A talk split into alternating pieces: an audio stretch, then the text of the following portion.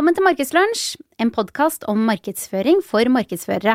Jeg heter Trine. Og det gjør jeg også. Og vi kommer fra Markedssjefene, som er et konsulenthus som jobber med Marketing for hire. Hos oss kan du leie en markedsavdeling eller en markedssjef som passer til bedriften eller organisasjonen din. Og vi har eh, bred erfaring fra rollen som innleid markedssjef hos mange ulike bedrifter og i flere bransjer, og sammen så klokker vi ca. ti års erfaring som konsulenter innen markedsføring.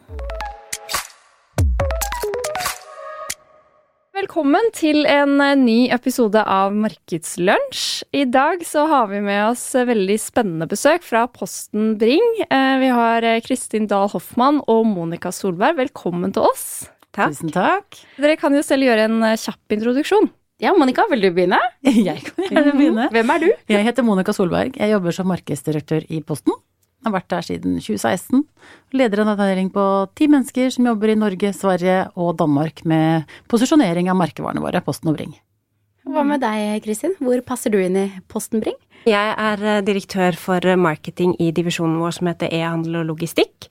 Jobber med bedriftsmarkedet og har ansvaret for eh, mer taktisk kommunikasjon. Vi jobber også nordisk og er en avdeling på ti stykker, vi også. Så bra. Og i dag så skal vi jo snakke om det store og vide temaet bærekraft, Trine. Ja, det skal vi. Og vi har snevret inn dette temaet til å snakke om hvordan dere jobber med kommunikasjon av bærekraft, og hvordan det gjennomsyrer egentlig alt dere gjør, i stor grad. Så vi skal få litt uh, inspirasjon og noen tips og høre litt hvordan dere tenker. Men før det så har jeg lyst til å lese opp noe som jeg fant i bærekraftsrapporten deres. For jeg har jo da sittet i formiddag og uh, kost meg med en kopp kaffe og 100 sider bærekraftrapport. da fant jeg uh, et sitat som jeg syns var veldig Det sier mye om ambisjonsnivået deres. Eh, det står som følger eh, I 2021 vedtok vi en ny klima- og miljøstrategi med kvantitative mål i tråd med Parisavtalen. Vi skal iverksette en rekke tiltak som gir vesentlig CO2-kutt på veien mot å oppnå netto nullutslipp fra hele virksomheten innen 2050, blant annet utslippsfri distribusjon innen 2030. Som første nordiske logistikkaktør utstedte Posten i fjerde kvartal grønne obligasjoner for én milliard kroner. Pengene skal brukes til å investere i grønne prosjekter som gir langsiktige verdier for samfunnet og menneskene rundt oss. Det er ikke verst. Det er jo ambisjon på høyt nivå. Mm. Eh, og så fant jeg et par fun facts, og blant annet så var dere ganske tidlig i gang med dette bærekraftsarbeidet. For i 1994, eh, under OL på Lillehammer, så hadde dere den første elbilen, altså første elbil tas i bruk på OL i Lillehammer i 1994 av Posten.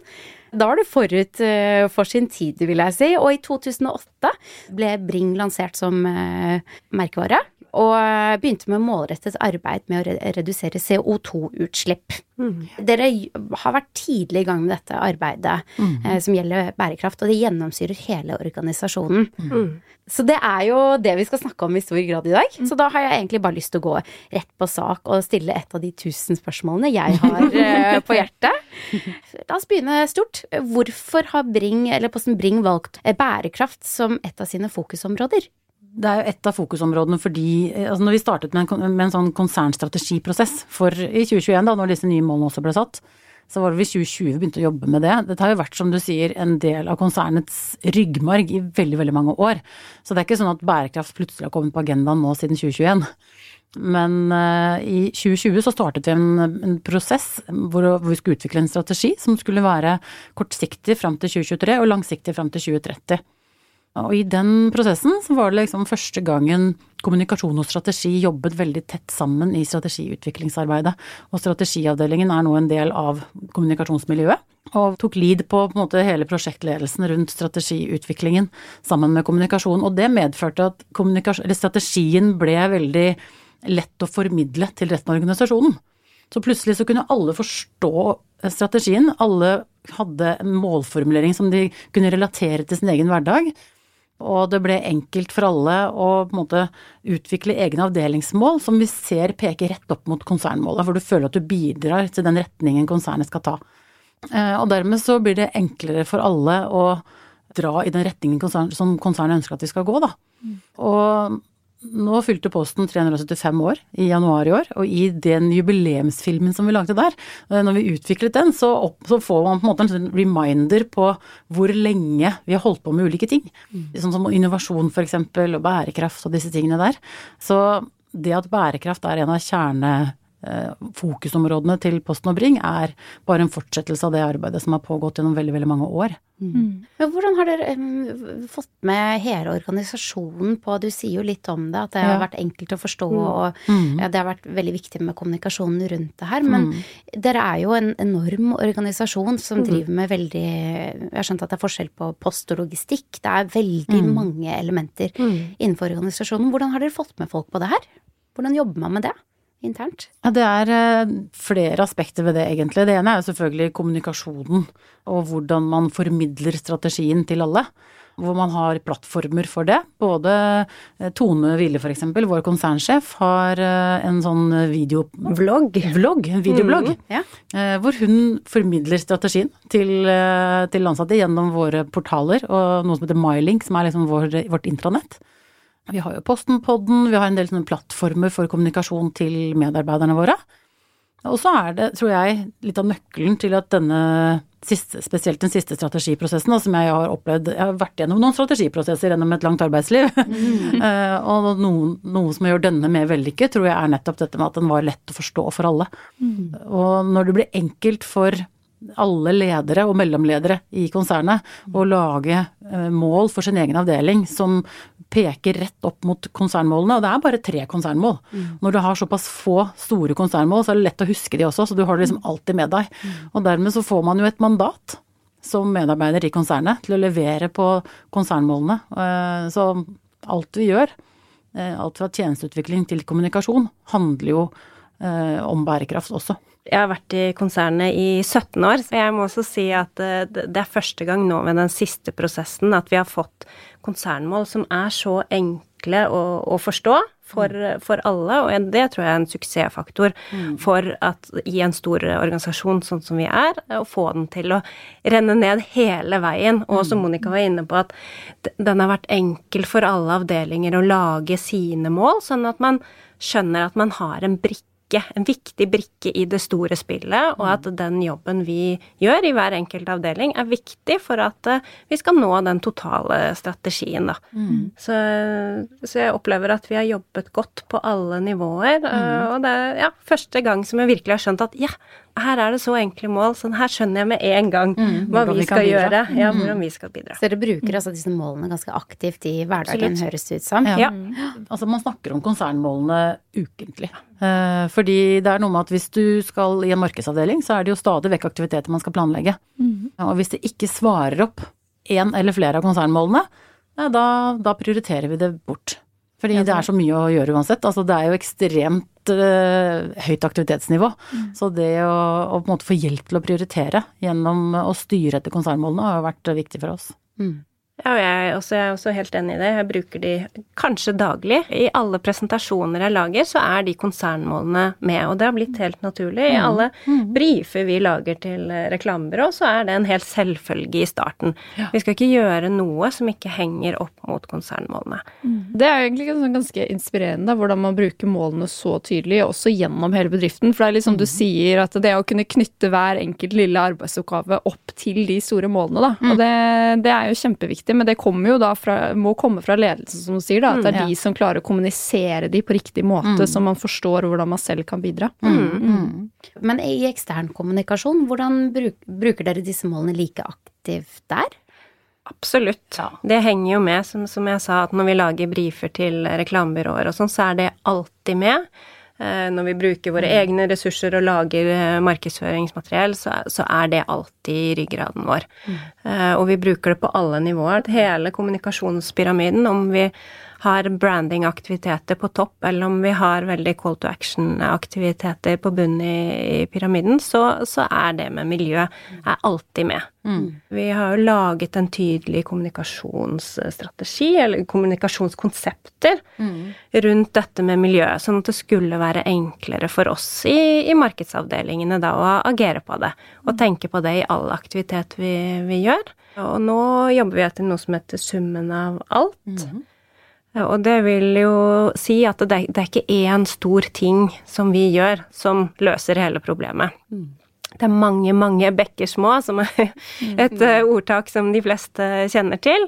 Alt vi gjør, det er med på å dra oss i den retningen som vi ønsker, og nå de målene som vi har litt lenger frem i, i tid. Mm. Og når vi i markedsmiljøene har den, det konseptet i ryggen, så er det mye enklere for oss å kommunisere helhetlig hele veien i pyramiden. Så Monica sin avdeling bruker det, og min avdeling bruker det, og andre mm.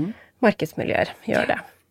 Jeg syns jo Ja, som sagt, jeg har jo lest, lest mye om dere i forberedelse til dette møtet. Det En av tingene som jeg noterer meg, er at dere er ganske ærlige i kommunikasjonen også. Mm. Eh, jeg regner jo med at dette er et eh, bevisst grep, men jeg fant et par sitater som jeg syns var veldig inspirerende. Dere har blant annet skrevet at bærekraftsjefens seks gode råd for grønnere transport på tvers av Norden. Og et av rådene er eh, som følger velg eh, som utgangspunkt landtransport fremfor fly. Tilby kun fly når du ønsker å gi mulighet for ekspresslevering. Det finnes ingen løsning som sikrer en helt grønn logistikkjede enda. Det handler om å bruke det vi har for hånden. En logistikkpartner som bruker f.eks. tog, biogass eller strøm i transporten, er derfor et lurt valg. Jeg syns den ærligheten er veldig befriende, og mm. jeg tenker i kommunikasjonen så syns jeg det er en fin innfallsvinkel å si ok, logistikk det er det er jo mye utslipp forbundet med mm, mm, logistikk. Vi er mm. ikke på plass enda, men så langt har vi kommet. Mm. Hvordan ser dere påvirkningen av den type ærlighet i kommunikasjonen? Får dere tilbakemelding fra kunder og samarbeidspartnere på at de får det med seg? Ja, det gjør vi jo. Hvis man skal snakke for Posten sin del nå, da, vi, som et eksempel, så har vi disse store julekampanjene våre, f.eks. Og bærekraft er jo et stort tema. Det handler jo ikke bare om miljø, det handler jo om sosial bærekraft også. Mangfold, inkludering, alt det her. Som den homofile nissen, f.eks. Ja, den er så fin. Og vi har jo ikke alt på plass i alle henseender. Men da handler det bare om å være ærlig på det. Og jeg tror det dummeste man kan gjøre, er å nummer én være altfor fluffy. Og snakke om mål og visjoner og ikke noen ting om hvordan vi skal komme dit. Og for det andre ta på seg en altfor stor hatt. Og måte gi uttrykk for at man har kommet lenger enn man har. Eh, fordi du blir så avkledd. Det er jo, mm. det, det er liksom, alt er jo gjennomsiktig og transparent i dag. Mm. Så man finner jo ut av sannheten uansett. Så skal du stå der og, og liksom påstå noe annet, så er det jo bare dumt. Ja, det kommer fort det der grønnvasking-stempelet mm, Ja, det er akkurat det. Det er jo også store forskjeller mellom land. Vi som jobber nordisk, så er det jo sånn som i Sverige, og ja, Sverige har vel kommet lengst, hvor det er veldig, man må være veldig bevisst på ordbruk, f.eks. Hvilke ord bruker man, hvilke setninger kan man bruke, hva er det som er akseptert, og når bikker man over på grønnvasking f.eks. Mm. Å si at uh, en tjeneste er miljøvennlig f.eks., mm. det er uh, ikke greit. Men man kan si at den er mer miljøvennlig enn andre alternativer.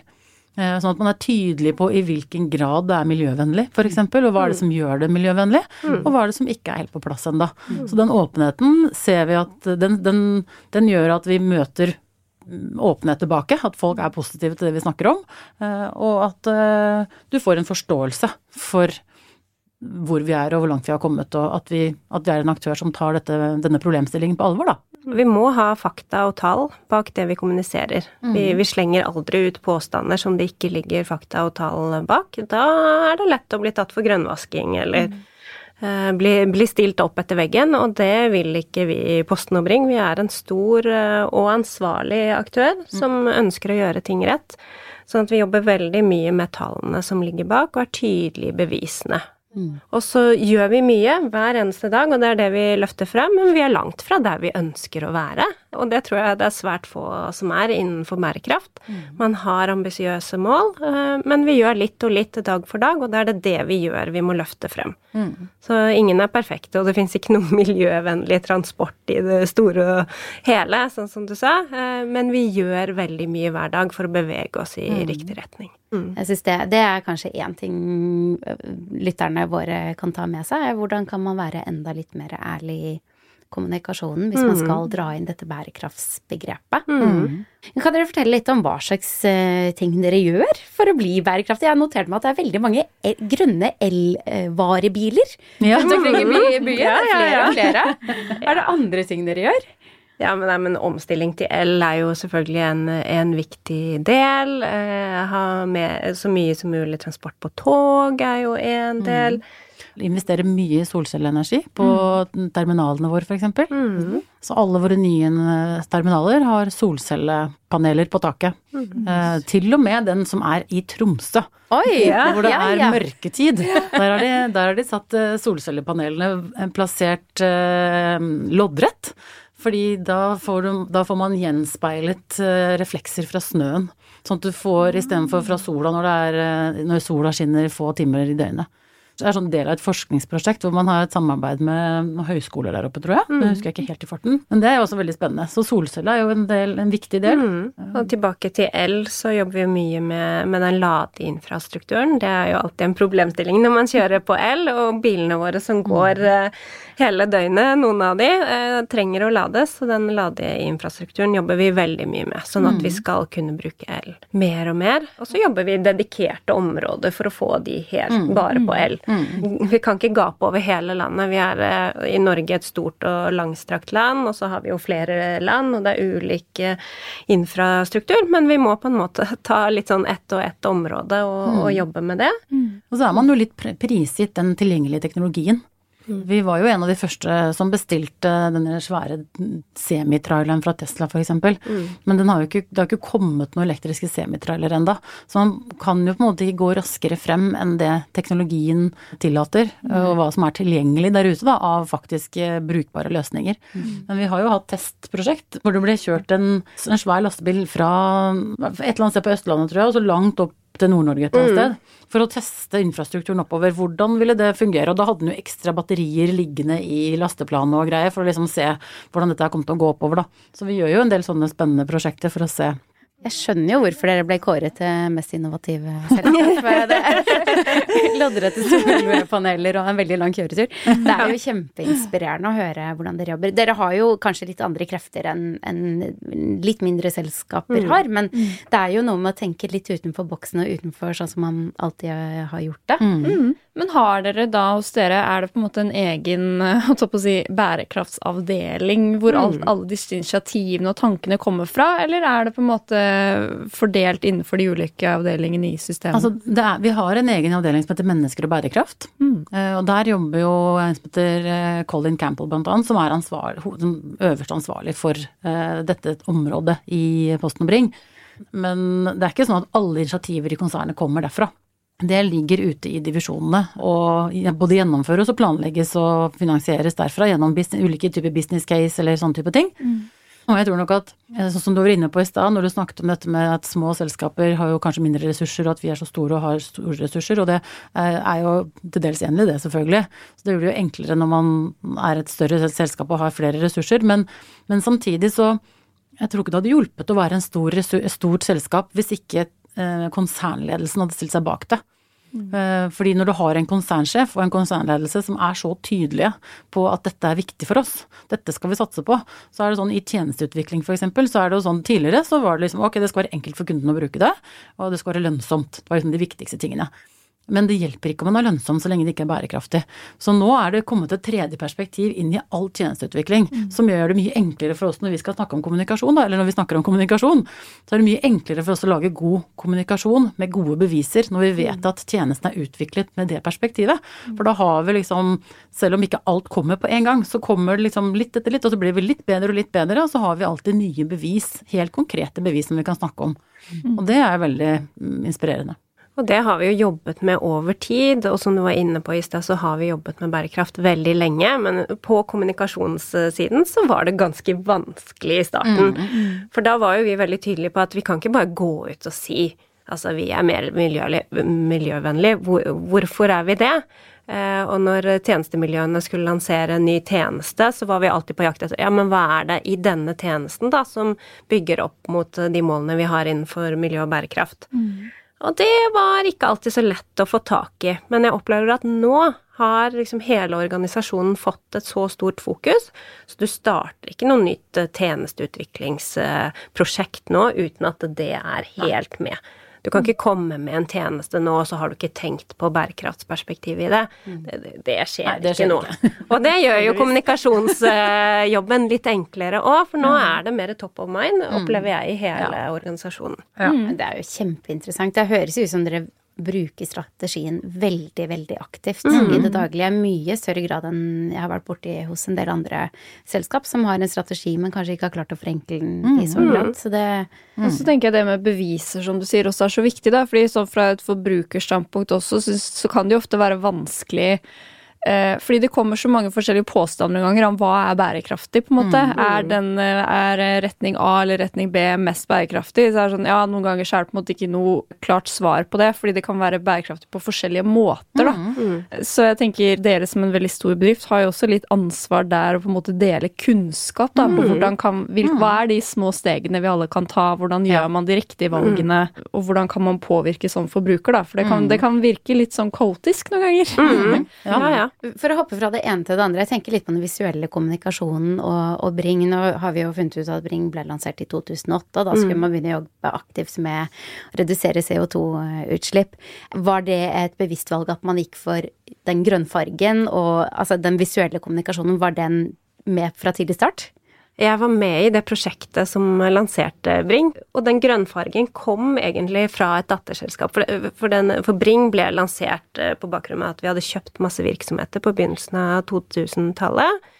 Og vi hadde masse ulike eh, merkevarer, og det var veldig vanskelig å, å kommunisere et enhetlig og godt uh, tilbud ut til kundene våre. Og derfor så ble det Og så var det dyrt å ha mange merkevarer, så vi besluttet å finne én som man kunne samle mange av de oppkjøpte selskapene inn under. Uh, en av de selskapene vi hadde, var Box Delivery. De hadde den grønnfargen, som sto veldig sterkt. Og jeg husker jo at miljøet også ble diskutert. Men, men, jeg er ikke helt sikker på at det var derfor det ble valgt. Men det var en tydelig en farge som var tilgjengelig også i konkurrentbildet. Vi gjorde en analyse på akkurat det, og vi plasserte alle konkurrentene, altså alle transportørene i hele Norden, på et kart, hvor vi satte logoene på en sånn regnbueskala, på et, en sirkel. Og så ble alle de ulike konkurrentene plassert rundt hjulet i forhold til, hvil- basert på hvilken farge de hadde i sitt visuelle uttrykk, da. Og da var grønnfargen ledig. Det var ingen andre aktører innenfor vår bransje som hadde grønn. Derfor så var det Det også var jo en medvirkende årsak til at den grønnfargen ble valgt. Også en veldig tydelig grønnfarge òg, da. vil jeg si. Ja, ja. Så den er til tider utfordrende å få til å se liksom pen ut. Du skal velge med omhu, eller vi har jo en definert fargepalett som, eh, som passer sammen. Det er ikke bare bare å hive seg på og slenge Nei. Det har, jo for eksempel, det har for eksempel vært en utfordring i, eh, i Sverige, og Danmark til dels også, tror jeg, i forhold til å få lov til å plassere ut pakkebokser med bringgrønnfargen. Mm. Mm. For den blir så veldig synlig i nærmiljøet og lokalmiljøet, så de vil gjerne at den skal være grå. Og i Norge også så har vi hatt det i forhold til den røde Posten-fargen. Der er jo der er det jo, Vi har jo grått i posthornet vårt, da, denne lille rundingen foran logoen. Og der er jo pakkeboksene grå med røde tegninger på.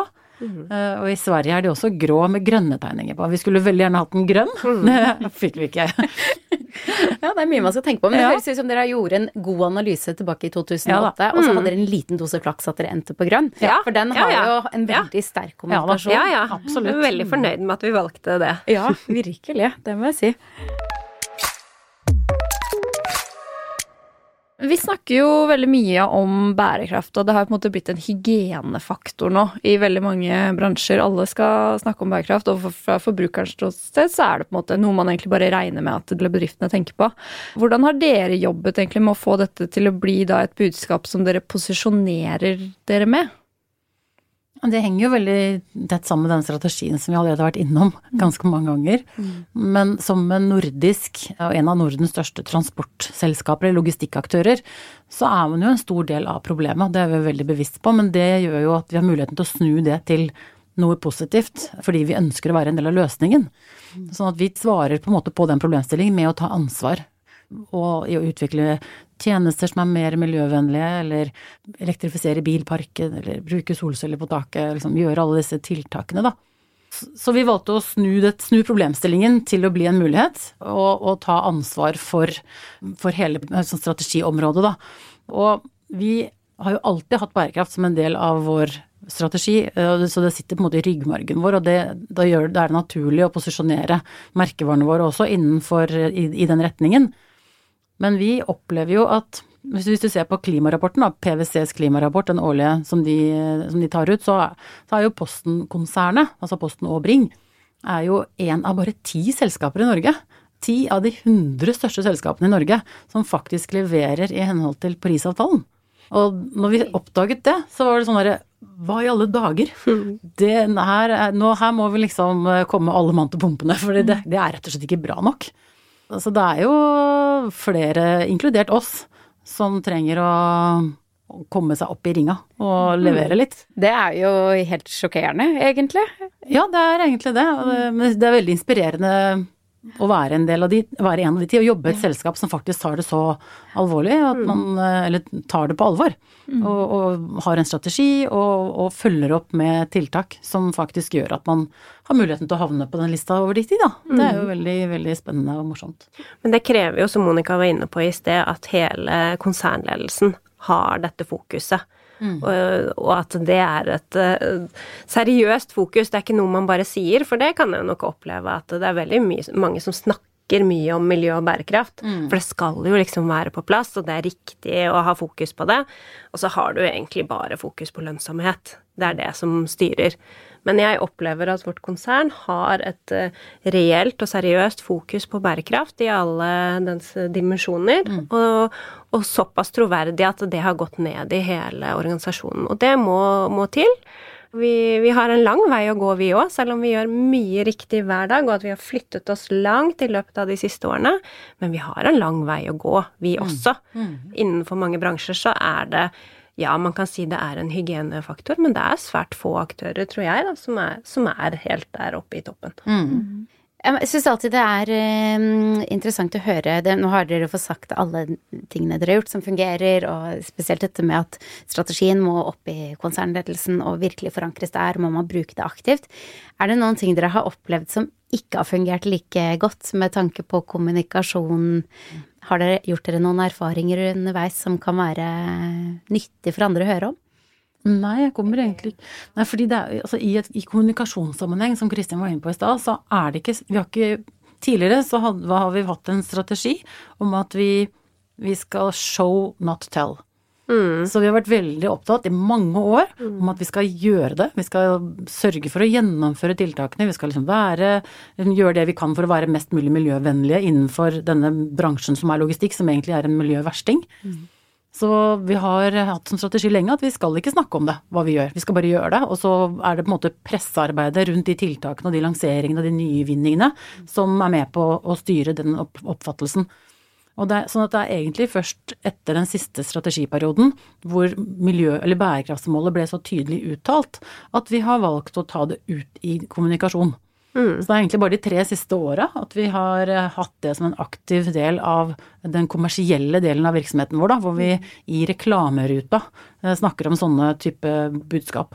Tidligere så har det vært eh, press, altså mest mm. presse- og PR-avdeling som har jobba mye med den type ting. Mm. Har dere noen råd til folk som har lyst til å kommunisere rundt bærekraft uten å bli grønnvaskere. Men da er jo show, don't tell ja. er jo egentlig et veldig godt råd. Ja, det er jo egentlig det, og vi har vært inne på det i, i tidligere her, at det handler om fakta og tall. At du ikke bare slenger ut påstander om at vi er miljøvennlige, eller uten å si tydelig hva, hva er det du faktisk gjør som gjør at man blir mer miljøvennlig, grønnere osv.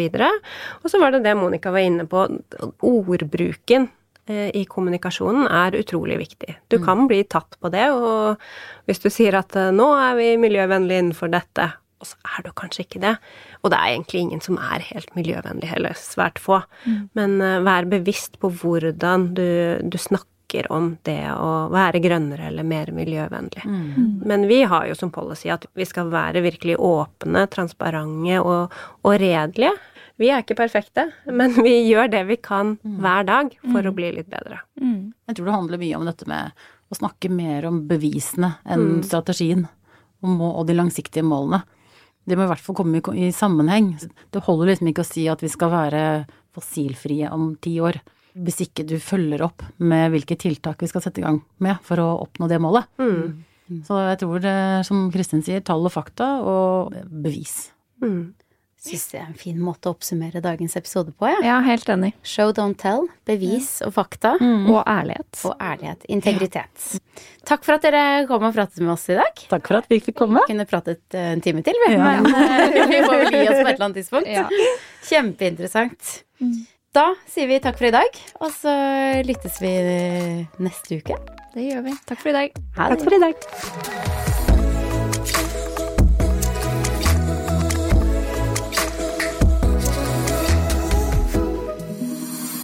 Denne podkasten er produsert av Freemantle Podcast for markedssjefene.